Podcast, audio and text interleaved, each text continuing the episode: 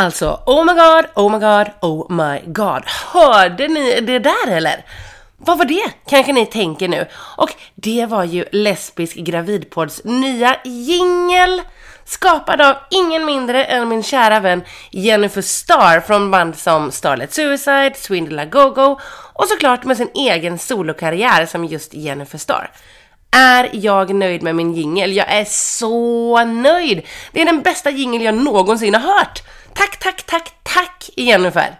Och välkomna till ett nytt avsnitt av Lesbisk gravidpodd. Det här avsnittet sponsras av Ferronola från Biomedica. Och oj vad glad jag är över att poddens allra första sponsor är denna grymma produkt. Stort tack till Biomedica! Är det då slut på tipptopp-saker för detta avsnitt där? Men nej, det bara fortsätter. Detta avsnitt heter ju Sex, Drugs and Box and Roll, bara en sån sak.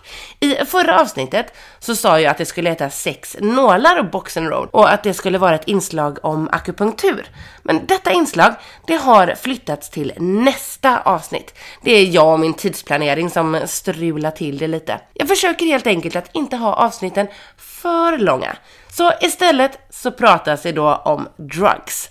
Men vi kommer börja med sexdelen och detta då är framförallt två intervjuer. Vi börjar med Malinda Flodman, ett bekant namn såklart eftersom det är hon som har skrivit Stora sexboken för tjejer som har sex med tjejer. Och nu är hon med i Lesbisk gravidpodd. Oj, vad glad jag är för det! Längre fram i avsnittet kommer en intervju med Sofie André, och Victoria Jonasson Hammar. De kan allt om det här med orgasmic birth. Ett rätt idealt sätt att föda tycker jag att det verkar som. Victoria bjuder också på en övning som kan vara bra att göra inför en orgasmic birth. Den kan öka medvetenheten om ditt undre liv, väcka den sexuella lusten och öka möjligheten att känna njutning.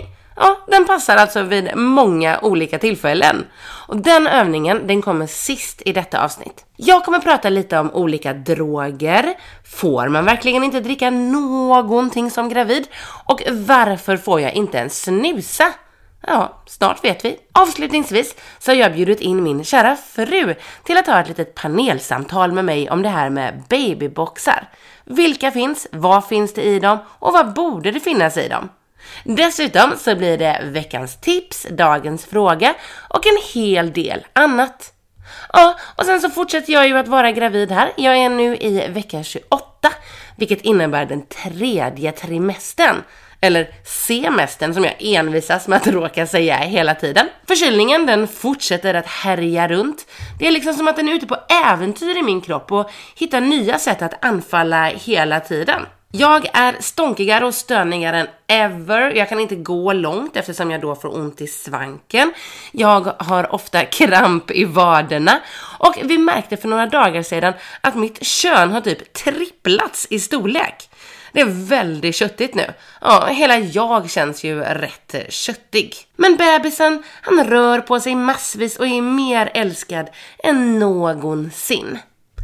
Nu tycker jag att vi tar och kör igång med detta Sex, Drugs and Box and Roll avsnitt. Lesbisk gravidpodd! När det pratas om sex som gravid eller sex efter barnafödsel så har jag bara hört och läst om det ur ett heteroperspektiv. Eller alltså ur ett penetrerande perspektiv så att säga. Det sägs liksom ingenting om smek och gnid och slick och sådant. Det pratas bara om den där penisen. Kan den skada bebisen i magen? Obs! Jag orkar inte den hybrisen. Kan man stoppa in den snart efter att bebisen kommit ut? Nej, det kan man tydligen inte bara sådär har jag lärt mig. Man bör ha kondom, för underlivet är extra känsligt för bakterier när det läker ihop. Ett tips! Du skulle också kunna vänta med det där överhuvudtaget och ägna dig åt andra former av sex om ni båda vill ha sex. Men åter till oss som inte har en penis som vi envis ska in med i något som inte har läkt. Ska vi sätta en kondom på fingrar som eventuellt penetrerar? Är det dags att plocka fram det eventuellt minst använda preventivmedlet i världshistorien, slicklappen? Eller är det bara att köra? vad, vad gäller liksom? Jag kontaktade ett proffs för att få svar. Malinda Flodman, sexualupplysare, författare och föreläsare. Jag är väldigt glad över att ha med dig här i podden. Ja, men tack för att jag får vara med. Tack så hemskt mycket för att du är med. Eh, och de här frågorna som jag kommer ställa nu, de är ju då ur ett lesbiskt perspektiv. Så det är ju ingen mm. snopp eh, inblandad. Kanske en strap-on för någon. Men främst så tänker jag liksom smek och mun och gnidsex här. Ja. Ja. Är det något särskilt man ska tänka på om eller när man har sex som gravid? Alltså egentligen inte. Liksom, kroppen är ju rätt bra på att säga ifrån om någonting inte känns bra och lyssnar man på kroppen så, här, så kan man ju göra det mesta som känns skönt och trevligt och sånt där om man har en normal graviditet. Sen kanske man får tänka på, på lite annorlunda om man har en så här högriskgraviditet. Men i så fall får, kan man ju diskutera det med sin läkare eller barnmorska om man går på specialistmödravården och behöver vara extra försiktig eller så. Men de allra flesta gravida, nej men det är bara att göra det som känns skönt och det som känns bra. Eh, kan man skada bebisen i magen på något sätt när man har sex? Nej, det kan man inte göra den ligger väldigt väl inpaketerad i livmoder och, och, och hinnor och, och, fostervatten och såna grejer. Så att den, den eh, kan man inte skada genom att ha sex. Nej, okej. Okay. Men märker bebisen i magen av när man har sex? Alltså jag tänker att bebisar som inte är födda ens, de vet ju inte vad sex är för någonting. Nej. De kan säkert märka liksom att kroppen rör sig och jag menar, när, när fostret har blivit så stort så att man kan här, känna av fosterrörelser utanpå magen och sånt där, då kan man ju liksom buffa på magen och kanske känna att, att här, barnet buffar tillbaka där inne.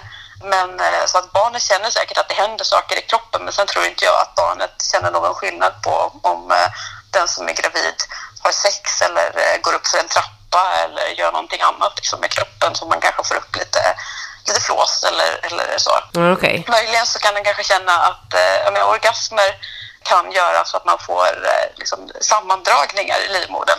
Eh, och, och liksom lätta sammandragningar är ju ingenting som är farligt när man är gravid. Om man får väldigt mycket så kan man liksom kanske tycka att det är skönt att ta det lite lugnt eller, eller så. Men eh, vanliga små sammandragningar enstaka gånger, det är ju inga konstigheter. Och det är möjligt att barnet känner åt det, liksom krama lite runt den. Okej. Okay. Men eh, hur är det med sexlusten egentligen när man är gravid? Varför kan det vara så olika? Jag tänker det är liksom samma hormoner men jag har hört både om folk som vill ligga hela tiden och om de som inte alls vill när de är gravida. Jag tänker att det är med sexlusten som med humöret och, hur man mår och sånt där i graviditeten generellt, att det är ju jätteolika mellan olika personer. En del går ju runt och strålar och känner sig fantastiska och, och är pigga och glada och älskar världen och, tycker att det är underbart att vara gravida. Och andra går runt och bara trötta och sura och känner sig otympliga och vantrivs med att vara gravida. Eh, och så finns det ju allt däremellan. Det kan gå liksom vara olika i början och slutet och mitten av graviditeten och sånt där också. Så att det kanske inte är så konstigt att en del blir glada och kåta och vill ligga mer och andra liksom är helt ointresserade av att ligga. Nej, precis. Kanske hänger ihop med allt annat där också då såklart. Jag tror det. Som i vanliga livet. Ja. ja. Man har ju hört om det här med att sex kan vara liksom som en färdknäpp när mm. eh, man ska föda. Men sen så har jag också läst någonstans att det är spermierna som gör att det är en färdknäpp. Vad är det egentligen? Är det, kan vi ha en liten färdknäpp utan att det krävs en insemination på köpet? Alltså det här färdknäppen, du menar att det skulle på något sätt sätta igång förlossningen? Ja, precis. Ja. ja, genom att man har sex? Ja. Ja, Uh, ja, det beror ju på vad man, vad man liksom... Jag, jag tror så här att uh, möjligheten att faktiskt sätta igång en förlossning som ändå inte hade satt igång väldigt nära i tid, det, det funkar inte riktigt så. Utan mm. den sätter igång den ska sätta igång för det mesta förlossningen. Liksom. Men sen kanske liksom man, kan, man kan påverka lite, lite grann, men inte så mycket. Men det finns ju då olika teorier om vad det är i sexet som gör att eh, det då skulle skynda på eh, en förlossning. Och, eh, antingen kan man då tro att det är just liksom spermierna, utlösningen, sperman att, och i den finns det enzymer som, som kan påverka proteiner kanske i, i eh, jag vet inte, i livmoderhalsen eller så. Men alltså det är väldigt, väldigt liten påverkan. Eller så skulle det kunna vara om den som är gravid får orgasm och då får man sammandragningar i livmodern och i andra muskler där omkring också. Eh, och att det kan liksom, eh, sätta igång förlossningen också. Så ja, och alltså, om man är höggravid, vill sätta igång en förlossning och känner sig sugen på att ligga, ja men absolut, det är klart att man kan försöka. Ja men precis. Mm. Testa det hela. Eh, sen då när bebisen är nyfödd, vad ska man tänka på då när ni kommer till sex? Är det just liksom det penetrerande samlaget som kan vara smärtsamt och skada? Eller är det all sex? Alltså det beror ju lite grann på, på hur förlossningen har varit. Det kan bero på om man har gjort ett kejsarsnitt eller om man har fött vaginalt och, och liksom om man har behövt sy mycket och om man behöver läka eller om man känner sig ganska så liksom, pigg och redo ganska snabbt. Så, så får man liksom anpassa sig lite grann efter det eh, och inte göra någonting som, som gör ont eller sådär såklart. Um, sen så länge man har avslag så kan man ju vara lite mer infektionskänslig. Mm. Uh, och där kan man det ska man nog fråga sin barnmorska på mödravården kanske om råd där. Till exempel så vill de inte att man ska bada så länge man har avslag och sådana saker för att man har lite ökad infektionskänslighet. Liksom. Eh, mm. I och med att man har ett sår efter moderkakan som blöder in i livmodern eller vätskar sig. Det är väl penetrerande sex i så fall som man kan behöva vara lite lite försiktig med. Eh, och också om man har blivit sydd och, och är öm för att man håller på att läka, ja men då ska man såklart vänta tills det har läkt ihop och känns bra igen. Och, och, och fortfarande lyssna på kroppen och göra det som känns skönt. Ja, så oralsex kanske inte känns så himla trevligt just då i och för sig heller när man har massa avslag. Alltså, jag, alltså, nej, jag tror det. Alltså, för den som ger. avslag, Absolut. Ja, men det är klart. Jag tycker nog inte att det är så mysigt med just avslag. Nej. Nej. men just med... Det är ju liksom blod och sårvätska. Ja, men det kanske inte är jättegott. Nej, Nej. jag tror inte det. Nej, inte för gemene i alla fall. Men just med eh, smek och gnidsex, är det där då ja, men att det som känns bra och vara ren, typ, som man ska tänka på, eller? Ja, generellt så, ja, så funkar det mesta sen. Liksom. Så länge man lyssnar på kroppen. Och alltså, när man, både när man är gravid eller när man är nyförlöst, då kanske vissa ställningar inte känns sköna för att kroppen, det tar ju ett tag för kroppen att återhämta sig och, och alla inre organ ska hitta tillbaka till där de bodde innan man var gravid och sådana saker. Mm. Eh, så kan det liksom kännas konstigt eller obekvämt i olika ställningar och så där. Då får man liksom pröva sig fram och kanske använda sig av kuddar eller luta sig mot möbler eller liksom försöka hitta ställningar som känns skönt och funkar. Och det kan kännas obekvämt om någon ligger på en eller över en om man har en stor mage eller känner sig öm eller känslig i magen eller så fortfarande. Så det är väl kanske mer sådana saker man får tänka på. Vara lite mer öppen för att prova sig fram och, och vara beredd på att men så som vi gjorde förut kanske inte funkar just nu. Vi får se vad som känns bra nu och vad som känns bra längre fram. Ja, ja är det några särskilda ställningar ja, men som du kan rekommendera liksom, när man är gravid? Det är också så väldigt olika. Som, ja, såklart. Vad, heter det, vad man tycker är skönt eller inte. Uh, om man är väldigt höggravid då kan det ju vara många ställningar som känns svåra. Liksom. Om man uh, ligger på rygg så kan det kännas nästan svårt att andas kanske om man har en jättetung mage. Och, och då kanske ligga på sidan eller, eller eh, stå på knä och luta sig mot någonting eller så kan vara liksom, bättre och bekvämare.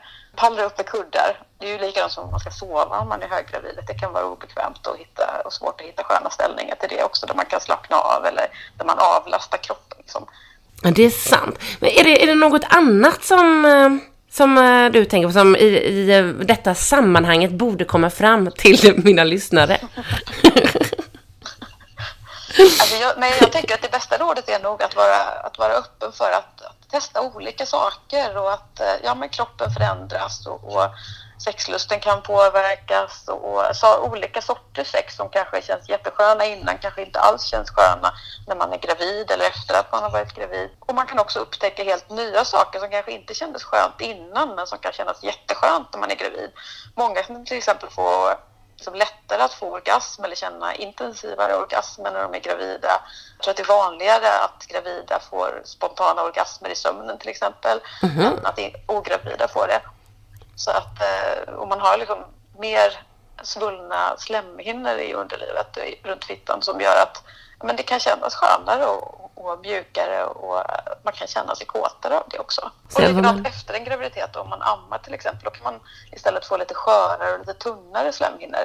Ja, då kanske man får anpassa sexlivet efter det också. Då kanske det inte känns lika skönt att eh, ha penetrerande sex eller ha sex på samma sätt som man brukade göra innan, utan då kanske man får vara extra försiktig och använda extra mycket glidmedel eller göra saker som känns skönare istället för de här grejerna som man brukar göra annars. Ja men gud vad bra tips! Ja. Tack så hemskt mycket för dem. Ja men tack själv. Och tack för att du svarade på mina frågor. Sådär, skönt. Nu vet vi vad som gäller för oss också. Och har du inte redan läst Malinda Flodmans bok Stora sexboken för tjejer som har sex med tjejer, så gör det. Innan vi går vidare i denna sexavdelning och pratar om orgasmic birth så har det blivit dags för dagens fråga. Och dagens fråga den kommer från Elin och lyder som så här. Hur ser din drömförlossning ut? Och det tror jag att alla som ska föda borde ta och fundera på och sedan visualisera. Men liksom inte bestämma så hårt att det inte får ske några avvikelser för att man då skulle bli så besviken om det inte blir exakt som man har tänkt sig. Visst va? Mhm, jag kan ha läst det där i någon bok så jag tar inte helt åt mig äran. Men jag tror i alla fall att det är bra att tänka på hur man vill ha det och hur vill då jag ha det? Jo, men typ så här. Jag vill att förlossningen påbörjas nära eh, BF och att jag kan ta verkarna med rätt andning och rätt tankar. Att jag inte kommer överväldigas, bli rädd och liksom inte vilja. Och när vi åker in så vill jag att det ska visa sig att jag är rätt öppen. Och resten av verkarna de vill jag ta i badkar, på pilatesboll, i yogapositioner, mediterande så välkomnande. Icke att förglömma här, BB-väskan är såklart med och välfylld med hönökakssmörgåsar med smör, ost och gurka, plopp, Marabou-salta mandlar och Coca-Cola. Detta vill jag kunna äta och dricka och samla kraft ifrån under verkarbetet. Och jag kräver att ha fått tillbaka smak och luktsinne tills dess. Eh, jag vill vara fylld av någon form av inre lugn och arbeta med verkarna istället för mot dem. Jag vill kunna styra tankarna och inte vara rädd. Helst så klarar jag ju allt det här utan bedövning. Men jag kan tänka mig att testa lustgas. Mest för att det verkar rätt kul. Jag undviker gärna epidural eftersom jag, som jag tidigare nämnt, är extremt stickrädd. Och dessutom så har jag hört lite mardrömsgrejer om att den kan sätta sig helt skevt. Typ så att ena sidan är helt bortdomnad och den andra inte. Eller att benen blir bortdomnade och sådant. Ja, ja, jag vill helst inte ha den. Men känner jag att jag måste så gör jag och då så får det vara så. Det måste dock vara ett proffs som sätter den här nålen på mig. Inga amatörer här tack. Jag hoppas att jag kommer få en eh, bra barnmorska. Annars så kommer jag be om en ny. Jag har inte bestämt mig för om jag vill att hon ska vara så här gullig och daltande med mig eller om jag önskar att hon är mer rak och tydlig. Ja, och sedan så vill jag då föda i vatten. Jag har en väldigt idealiserad bild av det här, att det är det bästa sättet. Jag är också dock väldigt medveten om att eh, jag kan drömma om att bada här hemma i vårt badkar. Jag tänker att det ska bli så skönt och avslappnande och lugnt och att jag ska ligga där länge och slappna av. Men efter en väldigt kort stund när jag väl badar så sitter jag där rakt upp, flåsar med tungan utanför munnen och med svetten rinnandes längs hela ansiktet. Jag känner mig instängd, vattentrycket mot kroppen är för stort så ja, det finns ju risk att det inte alls är sådär avslappnande och fint att föda i vatten som jag tänker. För mig. Men jag vill eh, i alla fall prova. Och när det är dags att krysta ut barnet, då vill jag också vara lugn, känna urkrafter och sådant. Jag vill vara orädd och jag vill ta emot bebisen själv och lyfta upp honom mot mitt bröst. Avnavlingen vill jag ska ske sent, tills allt slutat pulsera liksom. Ja, och förresten sen så vill jag inte spricka heller såklart. Jag vill att allt ska gå smidigt, att bebisen ska må bra hela tiden och även när den kommit ut. Och ja, jag vill också må bra under hela tiden och när bebisen kommer och har kommit ut. Lite så ser min drömförlossning ut. Hur ser din drömförlossning ut? Vare sig om du är gravid eller vill bli gravid. Dela väldigt gärna med dig av det, för jag älskar att höra av er. Eller har du också en fråga som du vill eh, ställa? Antingen om min graviditet eller om något annat som rör ämnet att skaffa barn som lesbisk. Så skicka denna fråga till lesbiskgravidpodd@gmail.com eller skriv den som ett DM eller som en kommentar på Instagram eller på Lesbisk gravidpods Facebook-sida. Som sagt så är detta avsnitt sponsrat av Ferronol, ett järnkosttillskott från Biomedica. Och inte vilket järnkosttillskott som helst, utan det bästa som jag själv har använt under ett par år. Och det var faktiskt jag som på grund av att jag gillar Ferronol så mycket tog kontakt med Biomedica och frågade om de var intresserade av ett samarbete. Vilket de tack och lov var. Så, vad är det då som gör Ferronol så himla bra? Ja, men det som gjorde att jag började dricka Ferronol var att jag ville ha ett bra järnkosttillskott, men jag ville inte få hård mage på köpet. Jag blev då tipsad om Ferronol som är väldigt snällt mot magen och dessutom väldigt gott som en liten bonus. En grymt bra sak med Ferronol är att det är ett av få järnkosttillskott som är veganskt. Och dessutom så innehåller Ferronol både folsyra och C-vitamin för ett bättre upptag. Och det gör ju den dessutom extra bra för oss som är gravida. Jag har varit lite nervös för mitt järnvärde under graviditeten. Jag vill liksom inte få de där receptbelagda järntabletterna som verkar vara synonyma med magproblem. Och det känns som att jag som kvinna, gravid, i princip vegan, ligger lite i riskzonen. Men skönt nog och tack vare Ferronol så är mitt järnvärde toppen. Så därför vill jag varmt rekommendera Ferronol till den som vill ha ett bra järnkosttillskott. Vare sig du är gravid eller inte. Vill du bli gravid så är det ju också extra viktigt att du får i dig rikligt med järn. Så kör på Ferronol, det gör jag och det funkar fin fint!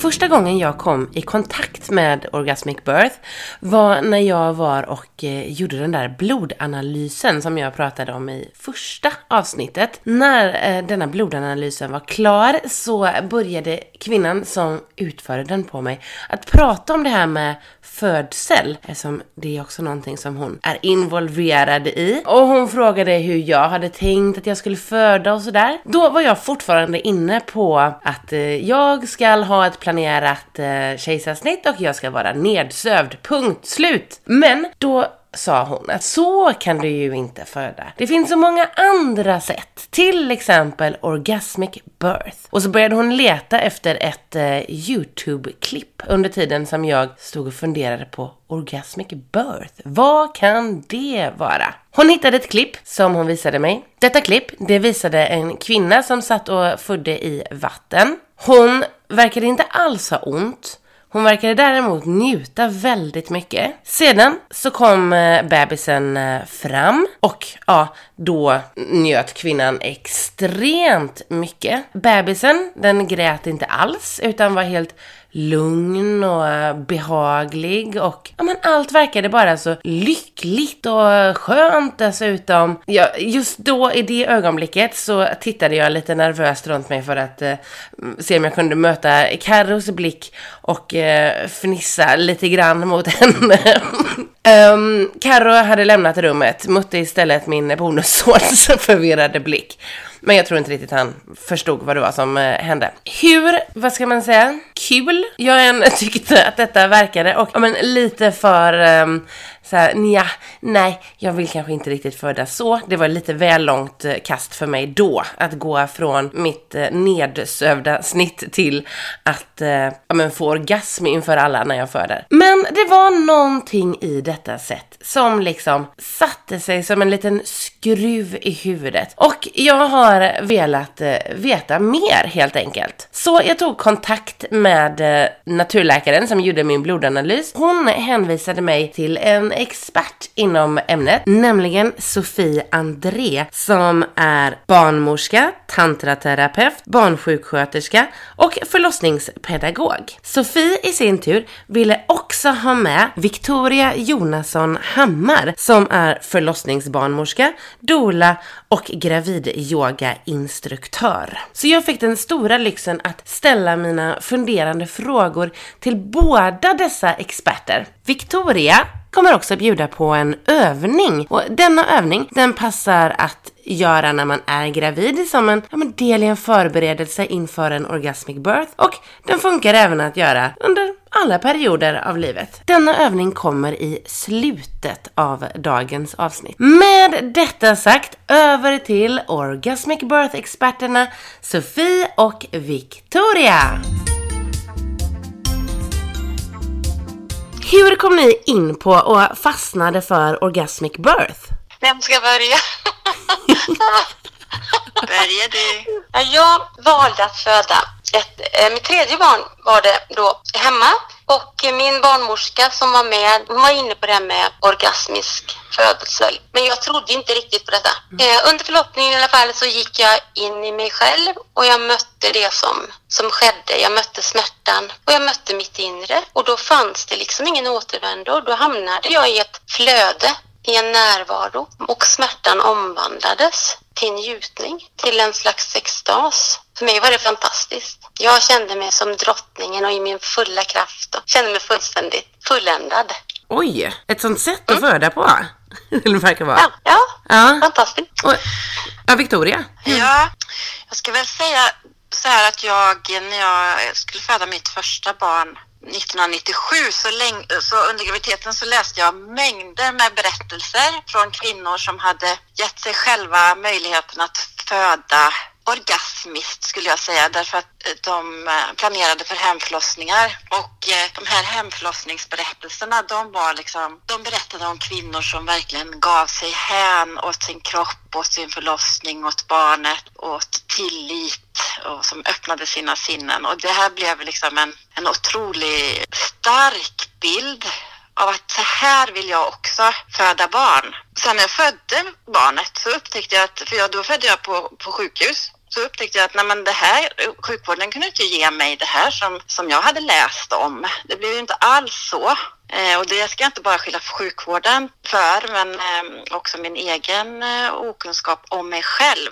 Så inför andra barnet så, bestämde jag mig för att jag skulle göra allt precis tvärtom. Ja. Så att jag verkligen skulle ta eget ansvar för precis varenda liten detalj för att öka möjligheten att kunna ge mig hän. Så jag gjorde en otrolig liksom, mental och fysisk förberedelse innan och så bäddade jag genom att bestämma mig för att föda hemma och för att ha dola med och jag bjöd in min mamma och min man var ju på ett helt annat liksom, spår den här gången också. Ja, men skönt. Så du, du, Ja. du tänkte liksom att, jag menar, när du läste på om, men sett först att så här är det att föda i allmänhet, även om jag då föder på, om traditionellt, eller vad man ska säga nu, numera traditionellt inom sjukvården. Ja, men det trodde jag nog. Ja, när jag läste. Även om jag visste att jag läste förlossningar från hemfödslar eller berättelser från hemfödslar så, så tänkte jag att men så här kommer det ju att bli för mig också. Ja, men vad bra att du fick en chans till sen då. Eller hur? Ja, Ja, att jag tog chansen. ja precis. Ja. Ja. Men hur är det, är orgasmic birth en sexuell grej eller låter det bara så på namnet? Men jag skulle säga att det inte alls är en sexuell grej. Att föda orgastiskt eller orgasmiskt, det handlar om att vara i ett flöde. Och i det flödet finns även njutning. Alla kvinnor får inte en sexuell orgasm, men en- alla är i ett orgasmiskt space, kan man säga. Ja, Är i sig själva och möter sig själva. Så det handlar om att liksom öppna sig för det som skulle kunna hända. Det kan bli en fantastisk orgasm, det kan bli tio fantastiska orgasmer. Men det behöver inte bli någon heller. Så det handlar väldigt mycket om förväntningarna där, tänker jag. Vad man, vad man fokuserar på och vad man menar med orgasmiskt födande. Och för oss, för att tala för Victoria också, eller jag vet att jag gör det, så är det en helhet. Hela spacet och hela utrymmet. Men, men denna helheten då, liksom som är orgasmic birth eller orgasmisk födsel, vad, vad är det egentligen?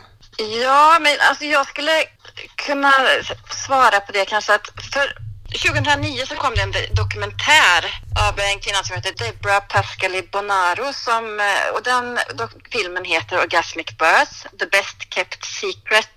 Eh, hon var doula sedan 30 år. Och jag upplever att det kanske var först då som det begreppet liksom eh, blev allmänt vedertaget sådär, eller allmänt vedertaget blev det ju inte, men det började spridas ändå. Ja, men det är ju att möta kropp och själ.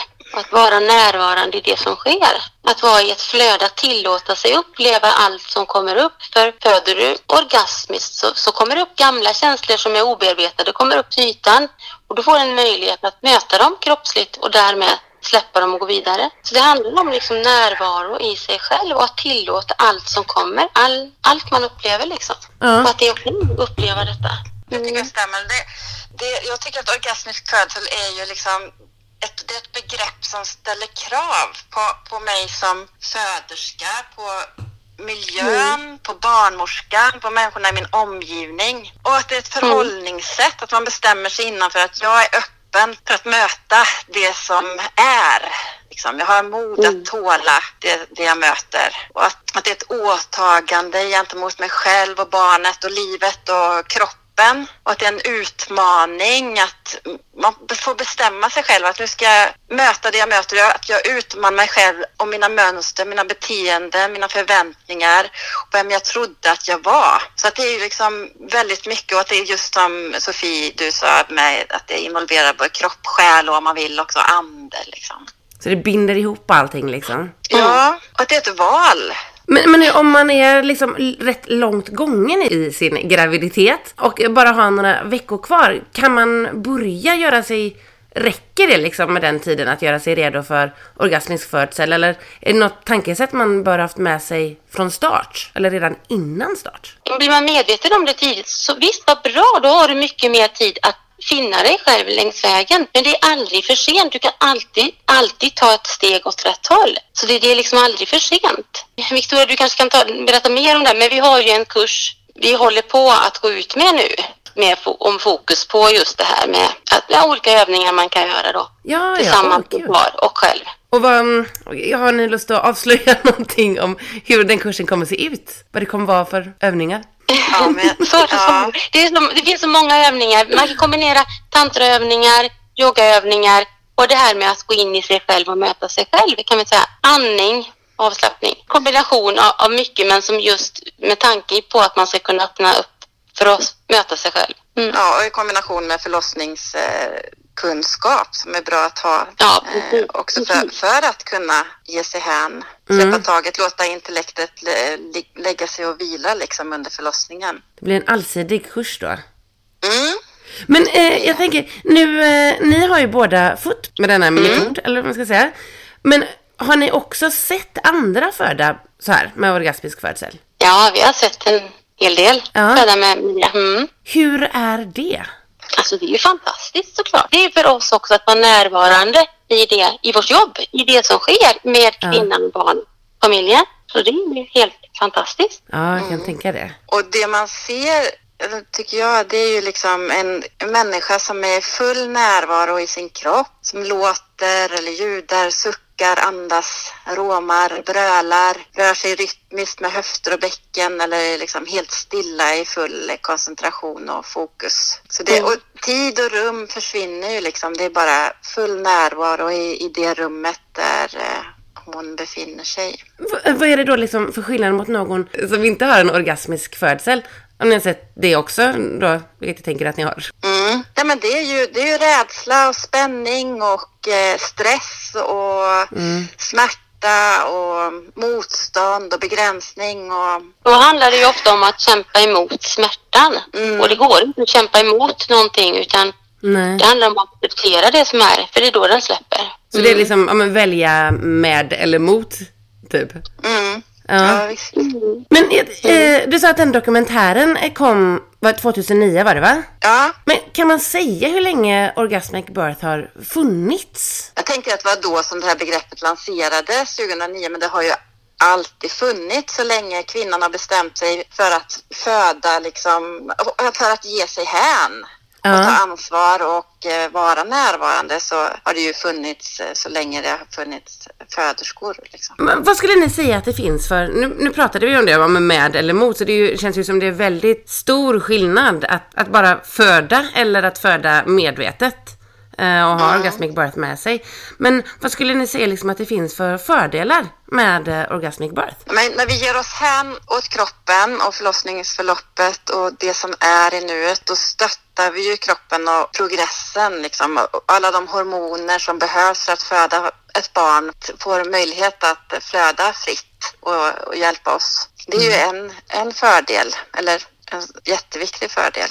Och sen när kvinnan går in i sig själv och möter barnet, när det blir ett samspel mellan kvinnan och barnet under förlossningsprocessen, alltså komplikationerna eller sådana som man räknar som normala problem minskar ju markant kan man väl säga. Till mm. exempel att det inte blir bristningar eller syrebrist hos barnet eller sådana sånt som, som räknas som normalt idag. Idag ja. brister ju de flesta om man tycker att det är normalt.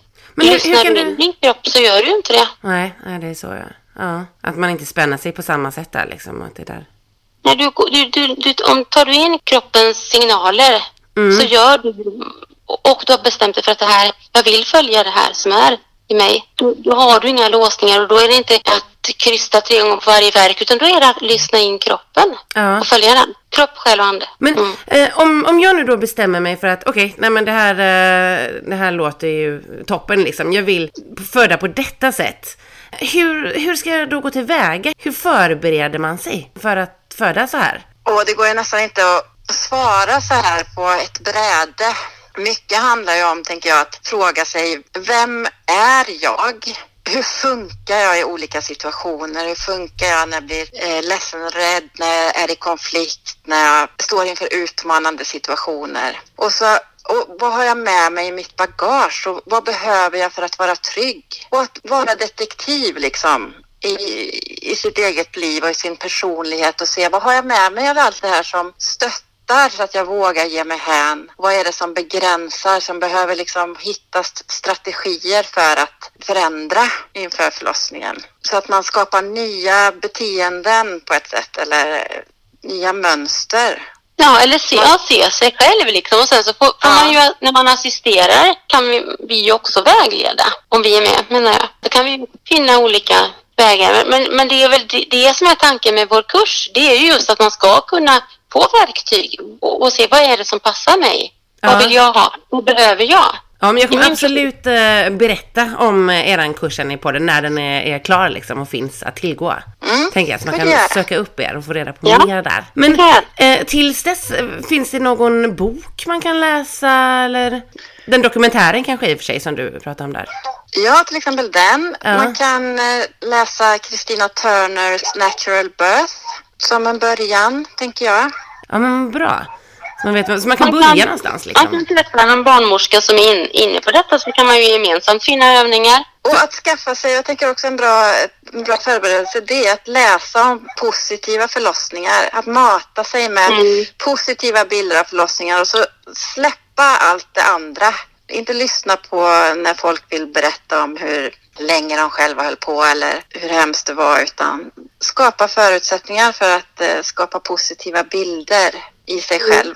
Man behöver mata den delen av sig. Leta upp eh, förlossningar på Youtube som är liksom orgasmiska så att man får en sån målbild. Tanken påverkar ju kroppen så att det spelar ju jättestor roll vad vi har för tankar just. Ja absolut. Bilder. Så fylla på det förrådet liksom där. Ja men precis. Men det, finns det något eh, stöd i sjukvården för detta sätt att föda? Eller kommer jag bli motarbetad om jag då föder inom sjukvården och säger jag kommer föda på detta sätt? Där tror jag, Victoria, du, du jobbar ju delvis i sjukvården så du kan ju svara lite mer på detta. Men jag tänker så här att det är ju ingen som kommer att motarbeta detta. Det finns inte så mycket kunskap. Och det är svårt att assistera vid någonting som man kanske inte känner till. En av våra tankar är ju att det bästa är om man känner barnmorskan innan så man har en gemensam plan. Det kan man inte alltid ha, det, och det kan du inte ha på sjukhus. Men, men man kan ju ändå göra sitt bästa utifrån de förutsättningar som finns. Till exempel det som vi har pratat om. Victoria, det är bättre du pratar nu för du jobbar ju där. Ja, men jag, jag tänker som du Sofie, det här med att eh, de allra flesta barnmorskor är ju säkert eh, öppna för att, alltså, tycker att det låter spännande.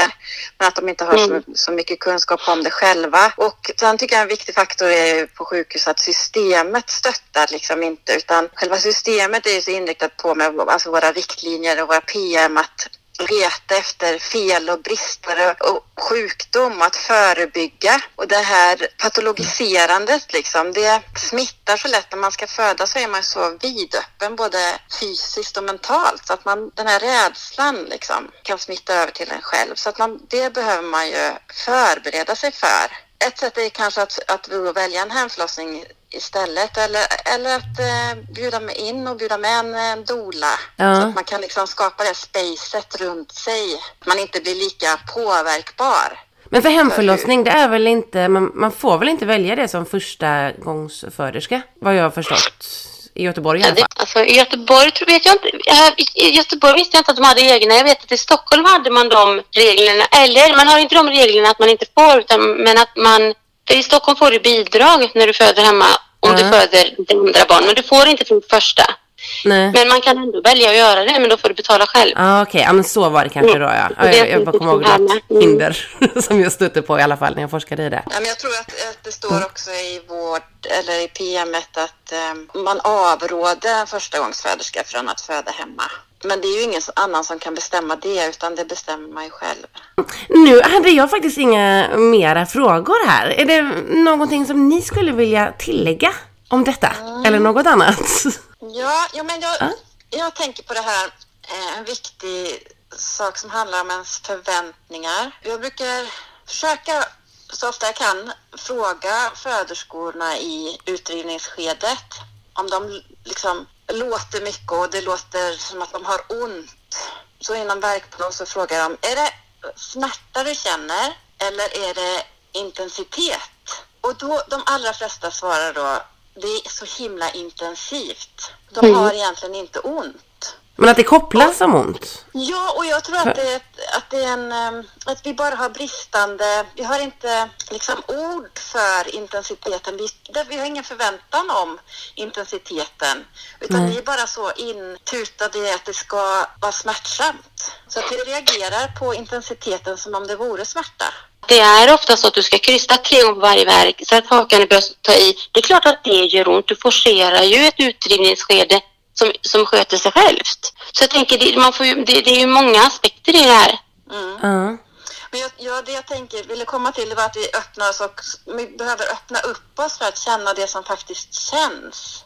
Inte det, det vi tror att vi ska känna. Eftersom huvud, barnets huvud passerar ju alla de här mängderna med erogena zoner i vår slidkanal. Och om vi inte vet med oss om att vi kan uppleva njutning eller kan differentiera känslan, liksom, då kommer vi heller, då, kan, då är det stor risk att vi missar det, tänker jag. Ja, Ja, och också att vi blir förvirrade i det skedet av, av en känsla och så tänker vi, men det här, det här gör ju ont, det här gör säkert ont. Och så går man in i det. Men att ändra tankesättet där liksom med att Ja, öppna upp för Ja, att... ja, att eh, våga känna efter. mm, vad det egentligen är. Det är ju väldigt bra. Det ska definitivt jag ta med mig. Jag laddar upp för fullt Ja. med bra saker jag har. Det här var riktigt bra. Ja. Ja. Bra. Jag Jag tänkte, var en sak jag tänkte Ja. också. Jag tänkte lite det kommer vi ifrån. Nu, nu fokuserar vi så himla mycket på det här skedet, att det handlar om närvaro och så vidare och så vidare. Men man ska inte glömma bort att, att det finns de som har sina bästa orgasmer när de föder. Jag tycker det är också väldigt viktigt. Du kan verkligen få det. Alltså det här, och när man då är i utdrivningsskedet till exempel, eller, eller strax innan, då är det oftast brukar vara väldigt jobbigt, och du upplever att det, det är njutning i varje verk, då vill du inte sluta föda. Det blir till och med så. Mm. Men vad är det som, som ger de här orgasmerna? Är det just att men, bebisen trycker på de erogena zonerna på insidan? Ja, de erogena zonerna fyller ju hela slidkanalen kan man säga och även i analen finns de ju. Och det är en samverkan med detta och huvudet är ganska stort så det stimulerar och det, och det ligger ju inte, inte stilla liksom utan det rör sig ju. Ja. Så det är klart att hela tiden får du en stimulans av dem. Det Och sen är, din inställning då så, som sagt som vi pratade om. Att man, möter man det med rädsla så, så blir det ju ingen njutning utan då blir det ju något annat. så det gäller att öppna upp sig liksom och, ja, men, och välkomna att det kan bli en njutning helt Ja. enkelt. Ja, det är ju helt fantastiskt. Mm. Fantastiskt. Tack så hemskt, hemskt mycket Sofie och Victoria för att eh, ni har varit med i Lesbisk gravidpodd och delat med er av lite av all er kunskap. Tack så Tack mycket för att du fick vara med. Lesbisk gravidpodd Lesbisk gravidpodd Alltså hur fascinerande är inte det här? Ja, lyckas man föda på detta sätt så känns det ju verkligen som att lyckan är gjord. Vill du veta mer om eh, Orgasmic Birth så kan du läsa mer på Föda Tryggs hemsida fodatrygg.com eller på Föda Trygg hemfödsel på Facebook. Känner man att själva liksom orgasmdelen känns konstig så kan man ju ändå ta till sig de andra grejerna om det här med ja, men helheten med kroppen och hur man ska tänka, att vara med smärtan istället för mot smärtan. Det är i alla fall något jag ska försöka ha i åtanke när det blir dags. Okej, det var den sexbiten för nu. Över till drugs. Ett ofta använt citat inom gravidsammanhang. Nej, och jag behöver inte säga drugs så himla tufft heller, utan eh, kan jag säga droger. Och ja, är det egentligen bäst med heroin eller LSD under en graviditet? Nej, jag skojar bara. Vi skippar liksom tunga drogsnacket överhuvudtaget här. Inga tunga droger är bra när du är gravid, när du inte är gravid. Det är inte bra. Punkt slut. Nu kommer vi istället prata lite lätt lättare droger. Och jag kan prata om en drog som jag är, men skulle nog säga, beroende av just nu, nämligen socker. Jag har under denna gravidtid byggt upp ett sockerberoende tror jag. Alltså till och med nu när jag inte har känt någon smak så kan jag komma på mig själv med att äta godis och bullar. Och visst, konsistensen av saker är viktigt för mig, men eh, jag kan ändå ana att det här, det känns inte helt normalt. Däremot så har jag faktiskt tagit bort ett par andra beroenden då när jag blev gravid, nämligen ja, jag slutade snusa och sen så slutade jag faktiskt även för, ja men det är ju två år sedan nu, över två år sedan, så slutade jag att dricka kaffe. Jag gick från att ha druckit flera stora koppar om dagen till noll kaffe. Och vänta, vänta, vad är det? Jo, ah, det är ju veckans tips. För då fick jag nämligen höra att varje kopp kaffe minskar fertiliteten. Jag var då som sagt en stor konsument av kaffe. Ja, jag drack säkert ett par liter om dagen. Men detta uttalande gjorde något med mig. Vi hade inte påbörjat med eh, gravidförsöken, vi hade bara börjat planera runt det. Och jag har en tendens att ta saker bokstavligt och slutade helt enkelt i samma stund att dricka kaffe. Konstigt nog så fick jag inga direkta biverkningar av det heller. Kanske att jag var lite tröttare i början, men inte så farligt. Nu behöver man inte vara lika drastisk som jag och bara sluta rakt av sådär. Men veckans tips är alltså till dig som vill bli gravid. Dra ner på koffeinet.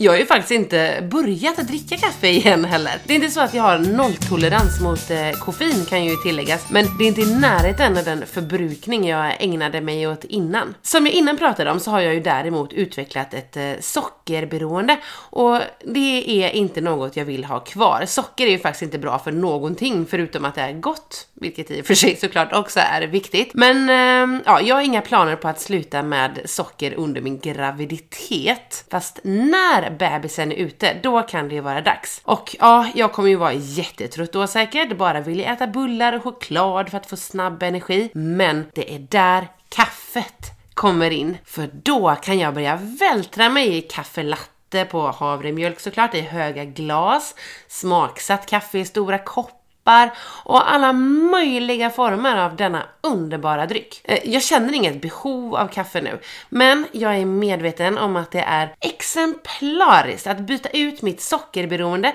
mot mitt gamla koffeinberoende i samma stund som bebisen är ute. Typ. Är det fördomsfullt att koppla ihop snusning med flaterier? Ja, skulle inte säga det, inte i denna podden i alla fall.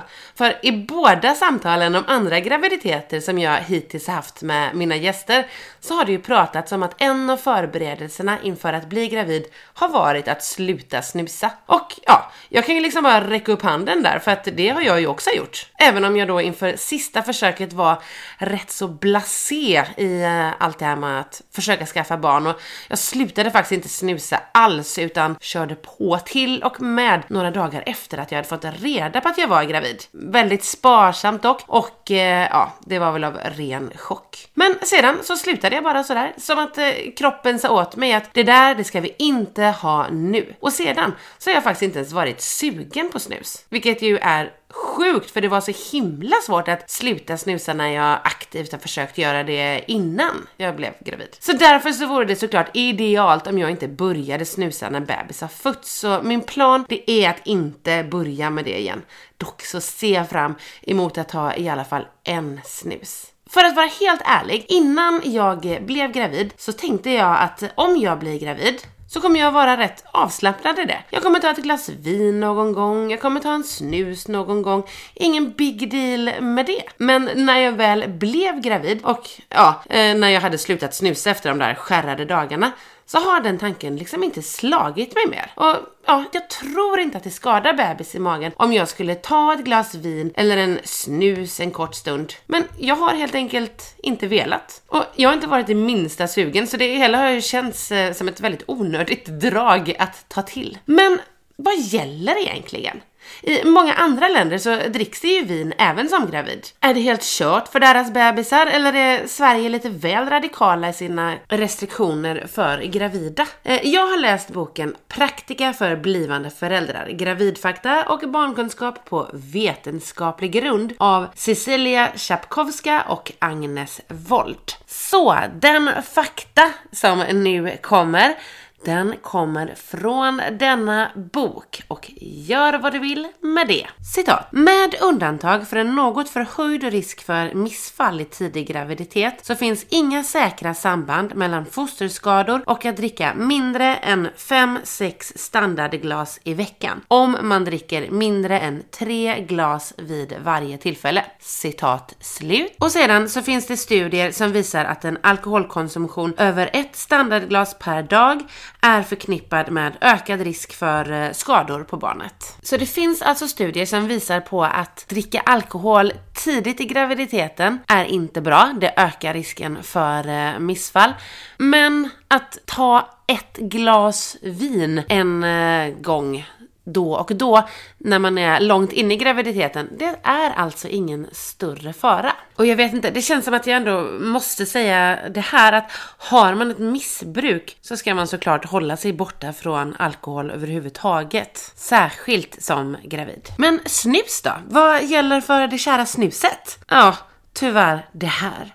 Att snus innehåller mer nikotin än cigarett cigaretter och nikotinet drar ihop blodkärlen, inklusive det kärl som försörjer moderkakan och därmed fostret. Snusande är därför negativt för fostret och enligt en välgjord svensk studie från 2016 är det lika stor risk för extremt för tidig födsel vid snusande som vid rökning. Och det där var alltså också ett citat ur boken. Jag fortsätter att citera ur boken. Det är också större risk att det nyfödda barnet får andningsuppehåll om det utsatts för snus under graviditeten än om det utsatts för rökning. Citat slut. Och en ja, ganska smart gissning av mig skulle jag väl tro att eh, om man då vill minimera risken för andningsuppehåll för bebisen så bör man helt enkelt varken röka eller snusa. Och det ska väl inte vara så himla svårt att hålla sig borta ifrån. Apropå rökning förresten och då rökning under graviditet så står det också i boken här att det ökar risken för att fostret dör i magen. Och rökning är också associerat med att barnet i genomsnitt föds tidigare och blir mindre än om du inte har rökt. Det var det om droger i detta sex, drugs and box and roll avsnitt. Vill verkligen förtydliga att eh, har du problem med alkoholmissbruk eller drogmissbruk så sök hjälp. Nu är liksom, ja men, ah, det ultimata tillfället att ta itu med det om du inte har gjort det innan. Håll inte på med de här sakerna. Tänk på bebisen i magen. Utgå från den. Och detta gäller såklart även snusning och rökning. För några dagar sedan så hade jag en plåtning. En pinup påskplåtning som också blev en gravidplåtning eftersom eh, magen sitter där den sitter. Och jag, ja, det är ju inte så lätt att veta om man inte visste vem jag var innan men jag är pinuppa och burleskartist. Inte varit så aktiv det senaste eftersom jag haft lite annat i huvudet och i magen. Men eh, det är i alla fall vad jag ägnat en stor del av livet åt att vara. Och nu så fick jag då alltså för mig att jag ville göra en plåtning igen. Trots eller tack vare magen. Och gud vad svårt det var! Dels då att lära sig att posera på ett helt nytt sätt. Det var inte särskilt lätt att vara pinuppig med en stor rund mage. Det ändrar liksom formerna väldigt mycket mot vad de mina former brukar vara. Och sen så var jag ju också världens stånkigaste. Jag fick liksom, ja, jag fick, först fick jag få hjälp med att få på mig mina skor och sedan fick jag bli ledd till platsen där jag skulle sitta sedan blev jag satt ner. Vanligtvis hade jag växlat mellan att sitta och stå, sitta på olika sätt, stå igen. Nu blev det liksom att jag satt ner och där satt jag hela plåtningen sedan. Resultatet av detta går i alla fall att se på Lesbisk gravidpods Instagram om du inte redan har gjort det. Som det inte vore nog att jag eh, försöker upprätthålla pinuppandet så har jag också dessutom bokats in att uppträda med burlesk på West Pride. Och West Pride, ja, det är ju i juni, vilket innebär att det är en månad innan mitt PF. Så jag kommer vara, ja men, rätt höggravid där. Jag vet liksom inte riktigt hur jag tänker i sådana här lägen. Men det är ju eh, kul att jag försöker upprätthålla någon form av normalitet ändå. Har ni någonting som ni ägnar er åt trots att ni är gravida och trots att inte borde gå egentligen? Eller är det någonting som ni har gett upp, i alla fall tillfälligt, just för att ni är gravida? Okej, let's box and roll! Nu sitter jag här med min fru Karo. Och vi ska prata gratis babyboxar. Japp. Ett ämne som du ju brinner för. oh ja. Ja. Eh, och vi har hämtat ut tre babyboxar. En från eh, vanliga apoteket, en från apoteket Hjärtat och en från Lloyds apotek. Men okej, nu tar vi och öppnar boxarna. Vilken box tycker du vi ska börja med? ja. Vi kör väl den första här då. Den från apoteket, vanliga apoteket. Apoteket. Om det heter så. Och denna boxen den är ju alltså en portabel sköt, Skötväska. Eller sköt... Vad heter det? skötbädd. Skötbädd. Fast den är ju lite som en väska också eftersom det är små fack i sidorna. Ja. ja. Ja, Då öppnar vi fickan här. yes. Då är det En, en eh, badolja. en rätt liten förpackning badolja. En liten Bepanten, En uh, liten napp. grön. Och en uh, vårdande kräm. Också en liten förpackning. Ja. En blutsaft, också en liten förpackning. Ja, Ja. vad säger du om innehållet här? ja. Kul? Superkul. Ja, det var pepp. det är ju väldigt små förpackningar, men det är ju käckt med en sån här liten skötbädd som verkar vara ett lätt avtorkbart material också. jo, men det är väl bra med testprodukter. Man vill inte ha för Mm. stora och så är det ändå något man inte kommer använda sen. Nej, det är klart. Så på så sätt är det ju fint. Första grej. Ja, det, är- det är en bra eh, liten uh, väs- boxväska. Vi ser vad som finns i de andra här då. Yes, över till nästa box. Och det blir Lloyds apotek. Yes. Den här boxen tycker jag är finast. Den är väldigt söt. Jättesött. Det är mycket grejer. Ja, grymt. En uh, nappflaska. Ja, en liten En- söt. En uh, blå napp. Som lyser i mörkret. Jaha, se på den. Ja, det ser ut att göra det i alla fall. Du har chansat bara. jag gissar. Du vet inte. Jag tycker att färgen på något sätt ser ut som att den lyser i mörkret. Då borde det väl stå, tänker jag. Eller? Mm. Okej. Ja, men söt liten napp i alla fall. Väldigt Okej. liten. Och du tror att den lyser i mörkret? Ja, eventuellt lyser den i mörkret också. En liten badanka Ja, den ser inte alls trevlig från ut Trygg faktiskt. Hansa. Ja, det är ju Är fint, det. men eh, den är ful. Låter även. Det är kul. Det är roligt. Den lilla tuben Bepanten. Mhm. Det är ju väldigt gulligt med eh, miniatyrer, tycker ju jag. Så jag blir ju glad för alla miniatyrer. Mm. En liten eh, kanin som man kan hänga i vagnen, tror jag. Eller? Ja, mjukiskanin då kanske ska tilläggas också. Ekologisk, va? Var det va? Det var det. Den är, den är reklam för en ekologisk barnmat. Okej, det har inte något ekologiskt att göra. Men den är säkert jättebra. Den är säkert väldigt rolig. Eh, en liten eh, blöja från Pampers. 2,85 kilo.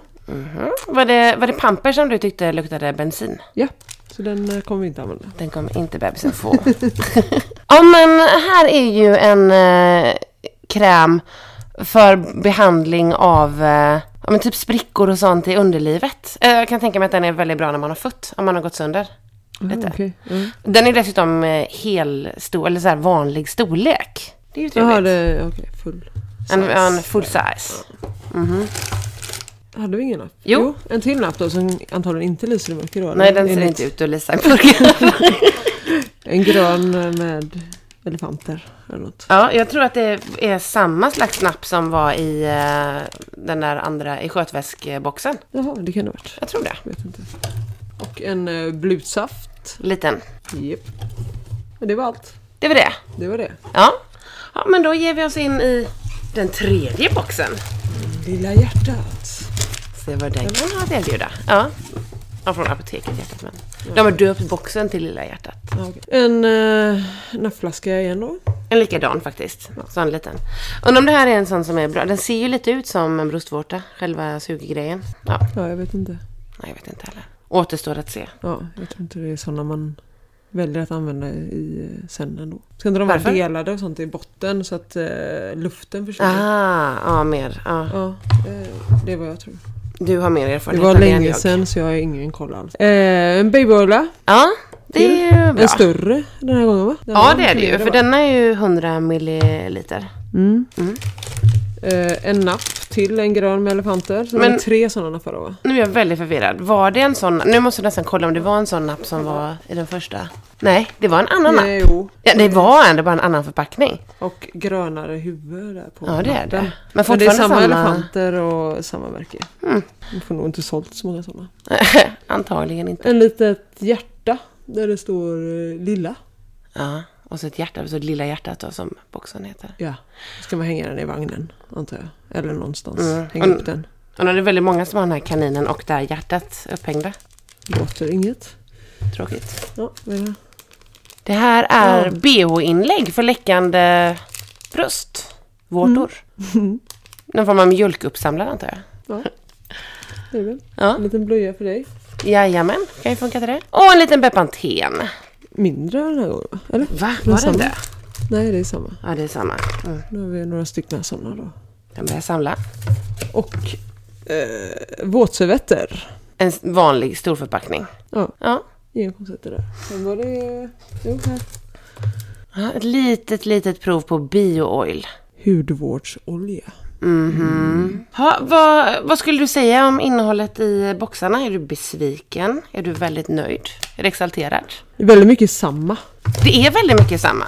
Vilket är konstigt för det känns ju som att det borde vara konkurrerande saker. Mm. Det var ju nu fyra nappar som känns nästan samma förutom att då den ena som du hävdar lyser i mörker. Det är en som lyser i mörker men annars är de likadana. Två nappflaskor. Samma märke. Massa babyolja. Det var ju sig olika märken så där kan man väl ana en Ja, viss okej. konkurrens då mellan Ja. boxarna. Ja men nej, det, det känns ju som att de nästan är samma allihopa. Mm. Det är inte mycket som skiljer dem åt. Nej, det är det ju inte. Det är ju mest reklam såklart. Även om det babyboxar för oss är en väldigt kul sak och för dem med, eh, vad ska man säga, sämre ekonomisk ställning så kan jag tänka att babyboxar är en väldigt bra grej.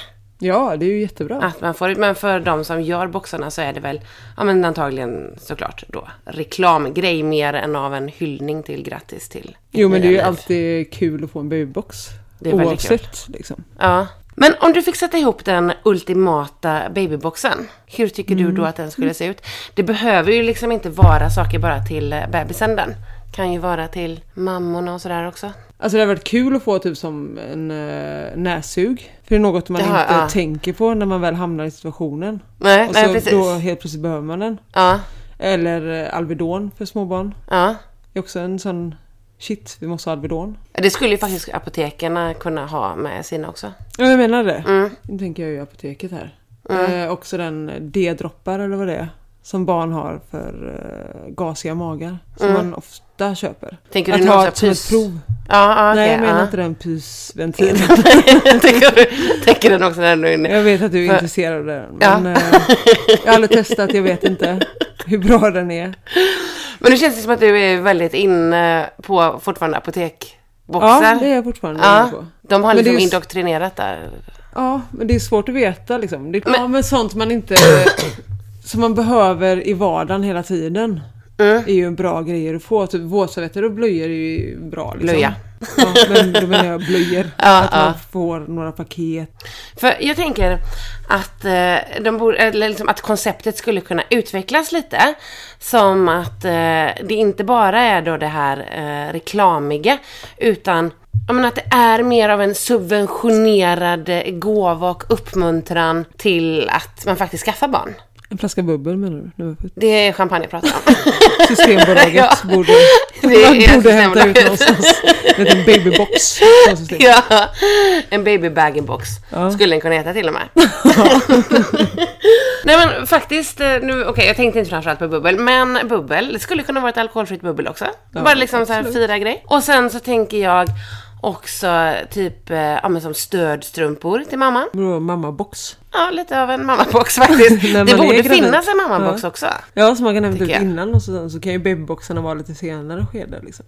Ja, Så här, faktiskt. Vad behöver mamman här nu? Precis, en så här, grattis du har blivit gravid. Och så är det en massa fina Det här presenter. kommer du behöva vare sig du vet eller inte nu. Knipkulor tänker jag borde ligga där i också.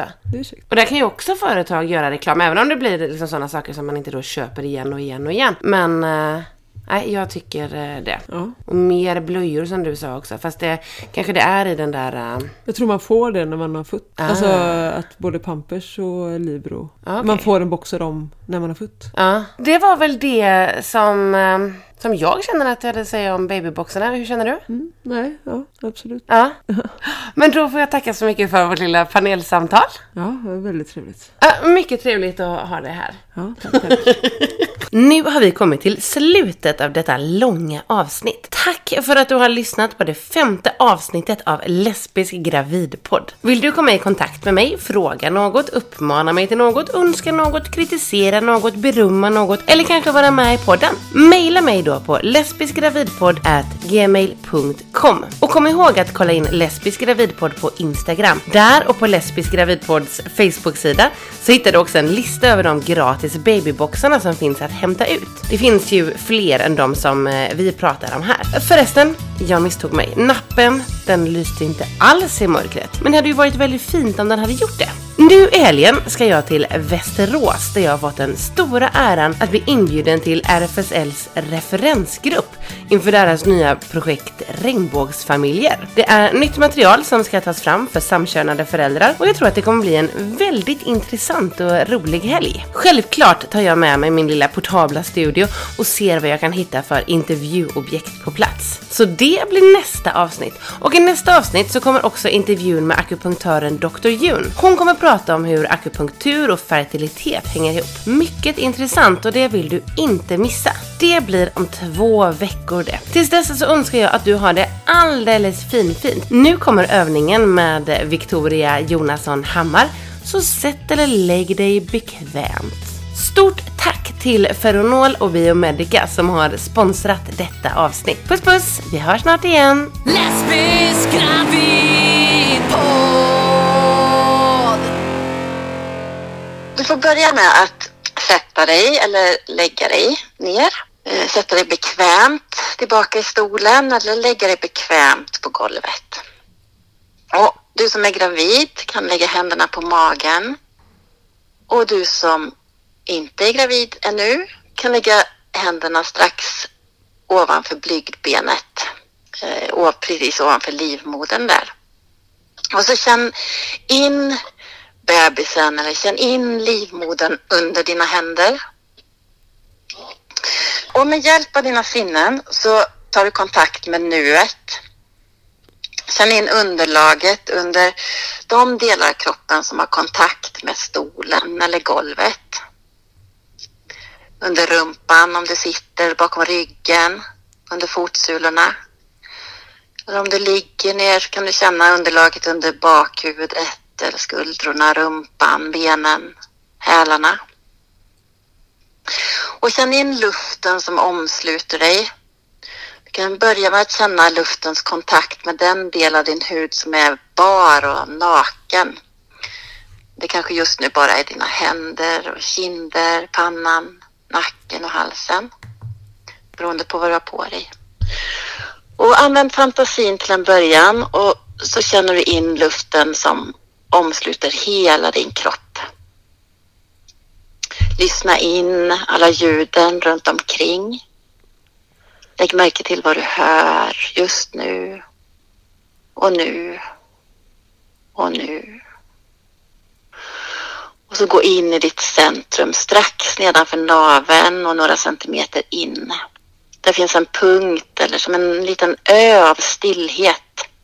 Och låt stillheten expandera ut i hela kroppen som ringar på en vattenyta. Och så tänk dig nu att du andas in genom fotsulorna, upp genom benen, rumpan, överkroppen, hela vägen upp till toppen av huvudet. Och när du andas ut så tänk dig att du andas ut genom slidöppningen.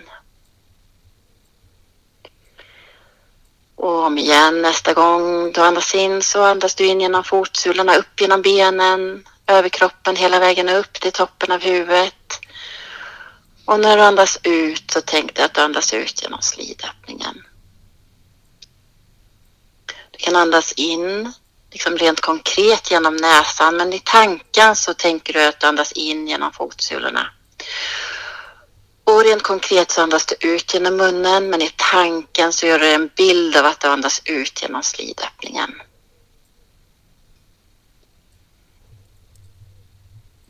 Och så fortsätter du med det här en tio andetag.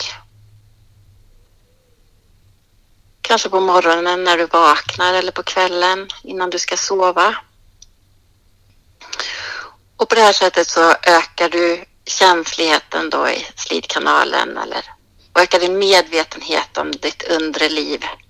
Och rent fysiologiskt så strömmar ju blodet till vävnaderna och flexibiliteten ökar och du, man slappnar ju av bättre i bäckenbotten så att man stöttar förlossningsförloppet och underlättar framfödningsarbetet. Och när du har andats tio långa djupa andetag så här så kan du ta ett mer aktivt andetag in och fylla på med nytt syre. Och så ut. Släpp ut luften. Och rör försiktigt på fingrar och tår. Och öppna ögonen och släpp in ljuset. Och det är klart.